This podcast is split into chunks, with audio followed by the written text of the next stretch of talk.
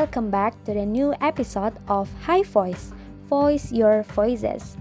Nah, di episode podcast kali ini kita lagi ada di sesi IR's Insight yang mana bakalan bahas salah satu fenomena yang cukup sering nih dibahas di hubungan internasional. Yaps, Arab Spring. But I'm not alone guys. Aku bakalan ditemenin sama IR students yang akan sharing nih pemahaman mereka tentang fenomena yang akan kita bahas. So, kenalin ada Dimas dari HI 19 dan Adit dari HI 20. Hello guys. Halo guys, halo, halo Nindya. Anyways, Dimas dan Adit apa aja nih kegiatannya sekarang? Hmm, kalau aku ya biasa sih kayak ngerjain paper, banyak tugas, terus mau lagi mempersiapkan untuk Ramadan aja sih. BTW, pendengar HI Voice, marhabannya Ramadan ya semuanya. Wah, rajin banget ya Dimas. Oh iya, marhabannya Ramadan ya buat seluruh pendengar setia HI Voice. Kalau Adit nih, apa aja nih kegiatannya sekarang? Nah, kalau kegiatan aku sebagai mahasiswa yang utama itu pastinya kuliah, bikin tugas-tugas, dan kalau seandainya aku ada free time, aku itu hanya suka baca, baca buku, baca dari internet, dan lain-lain. Dan BTW, buat semua pendengar HI Voice, karena kita udah memasuki bulan suci Ramadan, Marhabannya Ramadan ya semuanya. Wah, keren banget ya gestar kita kali ini, produktif banget nih. Alright guys, tanpa basa-basi lagi nih, kita langsung aja ya ke inti diskusi kali ini. As we know, fenomena Arab Spring sudah terjadi sekitar satu dekade yang lalu. Nah, meskipun udah terjadi cukup lama, tapi fenomena ini masih memberikan dampak, terutama di kawasan Timur Tengah. Nah, menurut teman-teman, Arab Spring itu apa sih? Mungkin bisa dimulai dari Dimas. Nah, kalau sepemahaman aku ya, Arab Spring ini merupakan serangkaian gelombang protes yang terjadi di negara-negara Arab, spesifiknya di kawasan Timur Tengah dan Afrika Utara. Menurut literatur yang aku baca, banyak faktor yang menjadi penyebab terjadinya Arab Spring ini. Namun, Menurut pendapat beberapa ahli, penyebab khusus terjadinya fenomena ini adalah protes yang terjadi di Tunisia, teman-teman. Yang pertama kali itu ada seorang pemuda bernama Muhammad Bouazizi, yaitu dia seorang pedagang kaki lima yang melakukan protes dengan cara self-immolation atau membakar diri karena ia mengalami penyitaan barang, pelecehan, dan juga penghinaan yang dilakukan oleh pejabat kota dan ajudannya. Jadi, di Tunisia itu pemerintahnya otoriter gitu dan adanya korupsi secara terinstitusi dan juga uh, underemployment yang cukup tinggi pada saat itu. Nah, karena adanya kejadian ini, kemudian memicu protes besar di Tunisia sebagai perlawanan dari pemerintahan otoriter, rendahnya tingkat perekonomian di masyarakat, dan juga tuntutan mengenai demokratisasi dan citizenship right. Rangkaian protes yang terjadi yang terjadi tersebut kemudian menyebar dengan cepat ke berbagai negara di kawasan Arab yang memiliki situasi dan kondisi yang mirip di mana terdapat pemerintahan yang otoriter, keterbatasan hak, dan rendahnya demokratisasi. Penyebaran ini juga terjadi dengan sangat cepat karena adanya perkembangan teknologi. Karena pada saat itu Facebook lagi ngetren-ngetrennya ya. Dan aku juga sempat baca kalau negara Arab ini pengguna Facebooknya lumayan banyak juga. Wah, penjelasan dari Dimas cukup jelas ya. Di mana sebenarnya rangkaian protes tersebut diawali dari rakyat atau mungkin di global governance kita mengenalnya dengan istilah bottom up atau adanya masukan dari masyarakat ke pemerintah. Dan juga adanya kondisi di mana masyarakat yang menginginkan demokratisasi pemerintahan, penegakan hak-hak masyarakat, serta perekonomian yang lebih baik lagi di Arab Spring ini. Nah, kalau menurut Adit, Arab Spring itu apa sih? Nah, kalau menurut aku, sebelumnya kita harus tahu dulu nih, apa sih itu Arab Spring? Kalau kita artikan, Arab Spring itu kan artinya musim semi Arab ya. Jadi sebenarnya Arab Spring itu adalah sebuah term atau istilah yang digunakan ketika terjadinya demonstrasi besar-besaran atau pemberontakan yang dilakukan oleh warga sipil terhadap pemerintahan yang sah di negara negara-negara Timur Tengah dan negara-negara Afrika Utara. Seperti yang udah dijelasin oleh Kak Regi tadi, peristiwa atau fenomena Arab Spring ini berawal dari Tunisia yang ke yang kemudian mengakar ke negara-negara atau menjalar ke negara-negara Afrika Utara dan negara-negara Timur Tengah lainnya. Dan selanjutnya perlu kita ketahui juga nih, apa sih penyebab dari Arab Spring ini dan dan terus kenapa uh, peristiwa atau fenomena Arab Spring ini bisa terjadi. Nah, salah satunya adalah karena pemerintahan yang otoriter atau kepemimpinan negara yang sudah memimpin dalam waktu yang cukup lama. Contohnya saja Presiden Mesir Hosni Mubarak yang sudah berkuasa selama 30 tahun. Dan yang kedua Presiden Yaman Ali Abdul Saleh yang sudah berkuasa lebih dari 30 tahun. Dan ada juga Presiden Libya Muammar Gaddafi yang sudah berkuasa lebih dari 30 tahun. Dan selanjutnya uh, ada juga penyebab-penyebab lainnya karena masalah internal pemerintah itu sendiri yaitu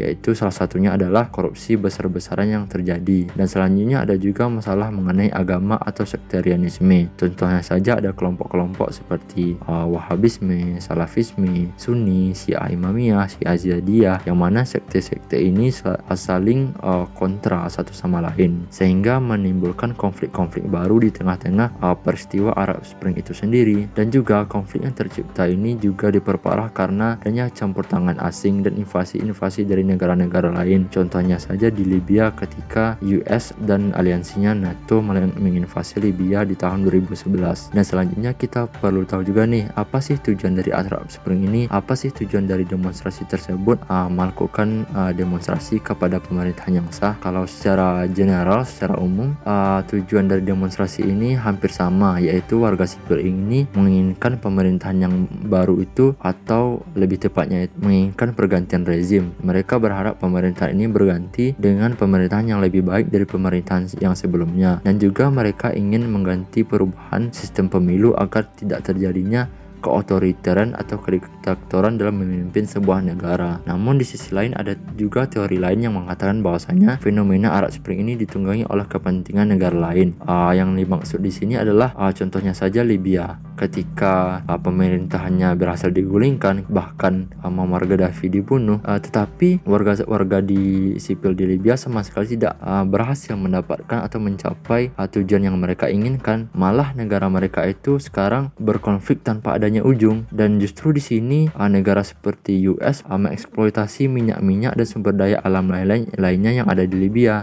Dan sebenarnya ini tidak terjadi pertama kali tetapi sebelumnya juga sudah terjadi ketika US menginvasi Irak pada tahun 2003 setelah US menginvasi Irak justru perusahaan-perusahaan kapitalis dari US mengeksploitasi minyak secara besar-besaran. Nah, jadi itulah teori ya, yang dimaksud di sini yaitu fenomena Arab Spring ini ditunggangi oleh kepentingan lain. Jadi, nah kalau dari pandangan aku sendiri itu sih kak, uh, bagaimana peristiwa Arab Spring ini, penyebabnya dan tujuan uh, dari Arab Spring itu sendiri. Wah, it sounds interesting ya dari pemahaman Adit, yang mana juga ada nih keterlibatan pihak-pihak lain dalam fenomena ini. Nah, yang aku simpulin dari jawaban teman-teman bahwa pada dasarnya tujuan dilakukannya Arab Spring adalah untuk mendapatkan pemerintahan yang lebih baik lagi. Well, next, aku juga mau tahu dari pemahaman teman-teman, gimana sih teman-teman memandang Arab Spring dalam konteks hubungan internasional? Mungkin bisa dimulai dari Dimas. Oke Nindya, menurut aku, kita bisa melihat Arab Spring dari berbagai kacamata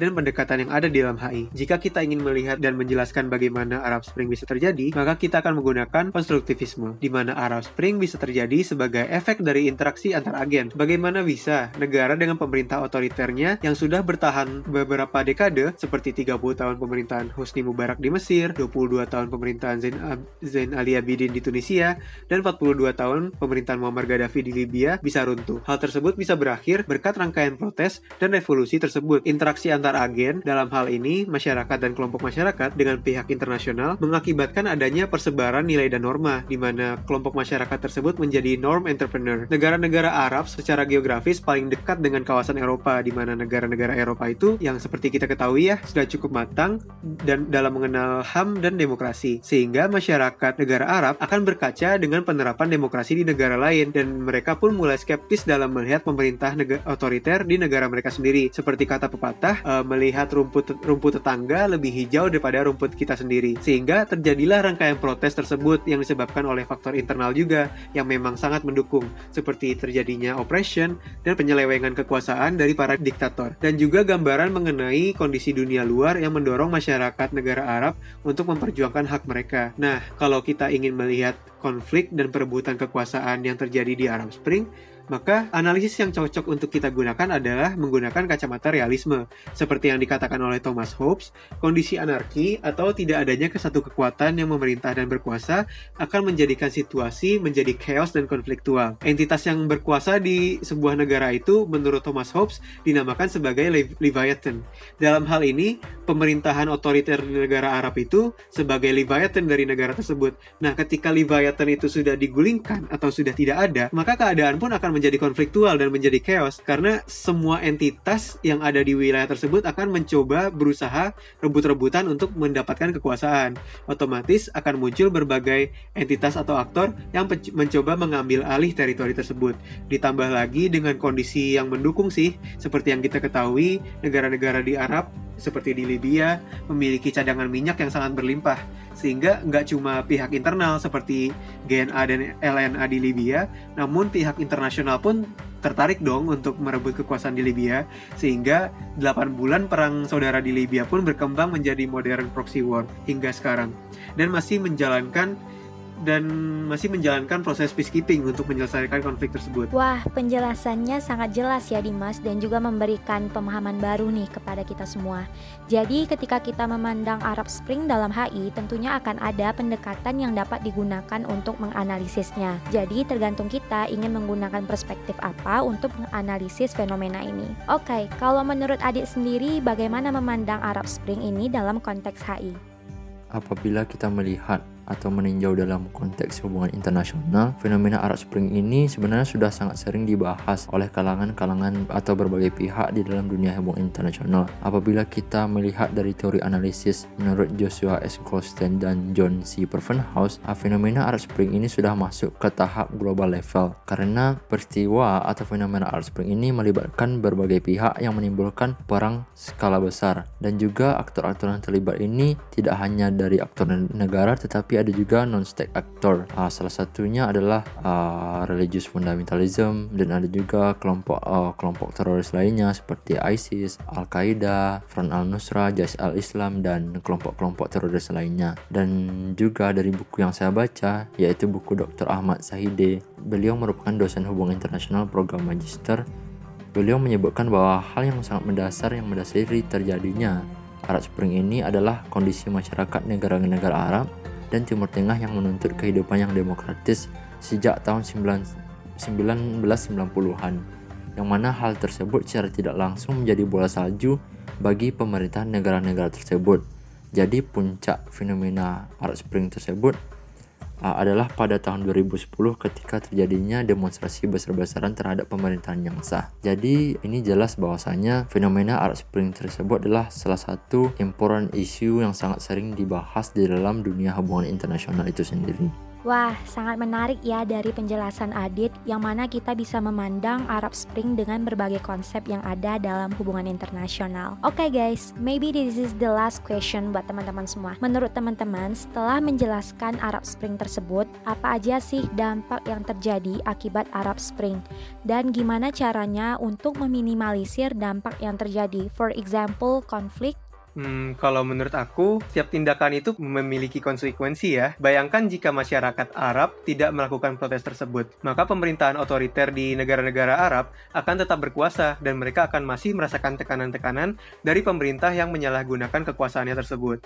Namun, jika setelah Arab Spring pun, kondisi negara-negara Arab justru bisa dikatakan semakin memburuk karena konflik dan juga perang saudara yang terjadi. Lantas timbul pertanyaan kan, bagaimana cara untuk meminimalisir dampak dari konflik tersebut? Tersebut? Menurut aku, jawabannya adalah PBB sebagai organisasi yang mewujudkan perdamaian internasional perlu meneruskan segala upaya yang telah dilakukan, seperti proses peacekeeping, kemudian kebijakan disarmament sebagai konflik containment agar perjanjian perdamaian pun dapat tercapai. Karena seperti yang kita ketahui, banyak pihak-pihak luar yang terlibat sehingga jika kita melakukan disarmament atau gencatan senjata, maka pengiriman senjata dari pihak luar ke dalam aktor-aktor di dalam seperti Elena dan GNA tersebut tidak akan terjadi sehingga proxy war pun dapat dicegah. Selain itu juga kita perlu realistis sih bahwa konflik yang terjadi setelah peristiwa Arab Spring ini memang cukup rumit karena yang seperti aku sebutkan tadi adanya NATO, adanya Islamic Brotherhood seperti Turki, Saudi Saudi Arabia dan lain-lain,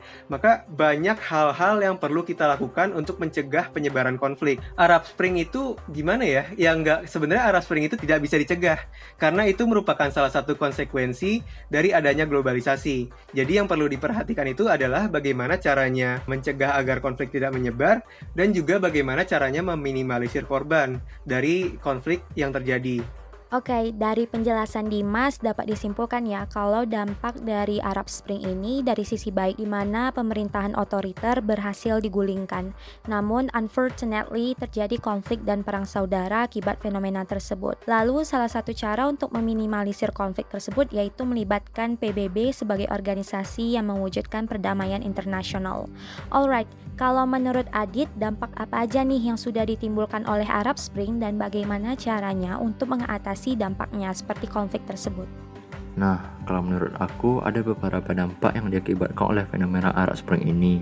Seperti yang udah aku jelasin sebelumnya, warga sipil yang melakukan demonstrasi menginginkan pemerintahan yang baru dan lebih baik dari pemerintahan yang sebelumnya. Memang peristiwa Arab Spring ini berhasil menggulingkan beberapa pemerintahan yang ada di negara-negara Arab itu sendiri. Contohnya saja di Tunisia, Jordan, Mesir, dan lain-lain. Bahkan pembunuhan terhadap pemimpin Libya yaitu Muammar Gaddafi. Namun di sisi lain, peristiwa Arab Spring ini membawa dampak yang sangat buruk, yaitu konflik yang terus berlanjut dan berkepanjangan. Contohnya saja di Suriah, Libya, dan Yaman.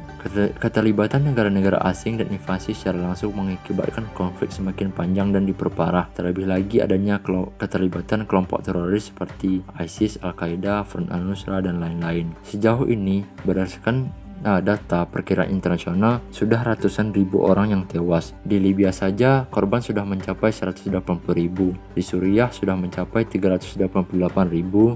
Di Yaman sudah mencapai 130 ribu dan masih banyak lagi jumlah korban yang belum tercatat hingga saat sekarang ini. Bahkan data dari PBB, konflik di Yaman mengakibatkan krisis kemanusiaan terburuk yang ada di dunia saat sekarang ini. Sekitar 2,3 juta anak di bawah umur 5 tahun terancam kelaparan. Dan menurut aku, cara mengatasi uh, dampak yang dikibatkan oleh Arab Spring ini yang pertama adalah melakukan, nego melakukan negosiasi dengan pihak yang terlibat. Dan yang kedua, melakukan gencatan senjata.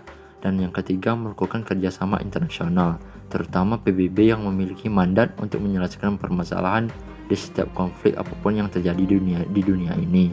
Dan juga kerjasama uh, dengan organisasi internasional lainnya seperti UNHRC, UNICEF, United Nations Commission for Refugees, WHO, dan lain-lain yang berfungsi untuk membantu korban-korban yang terdampak akibat perang itu sendiri. Oke, penjelasan yang bagus ya dari Adit. Nah, jawaban dari teman-teman tentang cara mengatasi konflik sebagai dampak Arab Spring lebih mengedepankan peran organisasi internasional ya. That's good answer guys. Dari penjelasan teman-teman yang so cool seputar Arab Spring tadi sangat memberikan pemahaman ya kepada para pendengar setia High Voice yang diharapkan bakalan bermanfaat nih untuk menambah pengetahuan seputar dinamika yang terjadi di kawasan Timur Tengah. So guys, this is the end of our session in IR's Insight after a decade house impact of Arab Spring in the Middle East nowadays. Buat teman-teman nih, mungkin ada last statement di High Voice kali ini? Hmm, kalau dari aku, sebenarnya ya pasti aku turut berduka ya buat semua korban dari konflik dan perang saudara yang terjadi di negara-negara Arab dan semoga proses demokratisasi yang lambat tersebut bisa cepat selesai, konflik semoga bisa cepat selesai dan pihak-pihak luar seperti organisasi internasional dapat membantu dengan sangat efektif untuk menyelesaikan uh, konflik tersebut. Ada istilah yang mengatakan there is no war is a good war karena warga sipillah yang selalu menjadi korban. Segala bentuk perang harus segera dihentikan. Fenomena Arab Spring ini bisa saja sampai ke negara kita Indonesia. Karena itulah kita harus meningkatkan kesadaran dan kewaspadaan bahwasanya Arab Spring ini tidak hanya membawa dampak baik tapi juga bisa menghancurkan sebuah negara. Alright guys, thank you so much untuk Dimas dan Adit yang sudah memberikan pemahamannya tentang fenomena yang sudah kita bahas pada High Voice di episode kali ini. Nah, jangan lupa tungguin ya guys diskusi yang menarik di High Voice pada episode selanjutnya. I'm Nindya, see you and bye bye.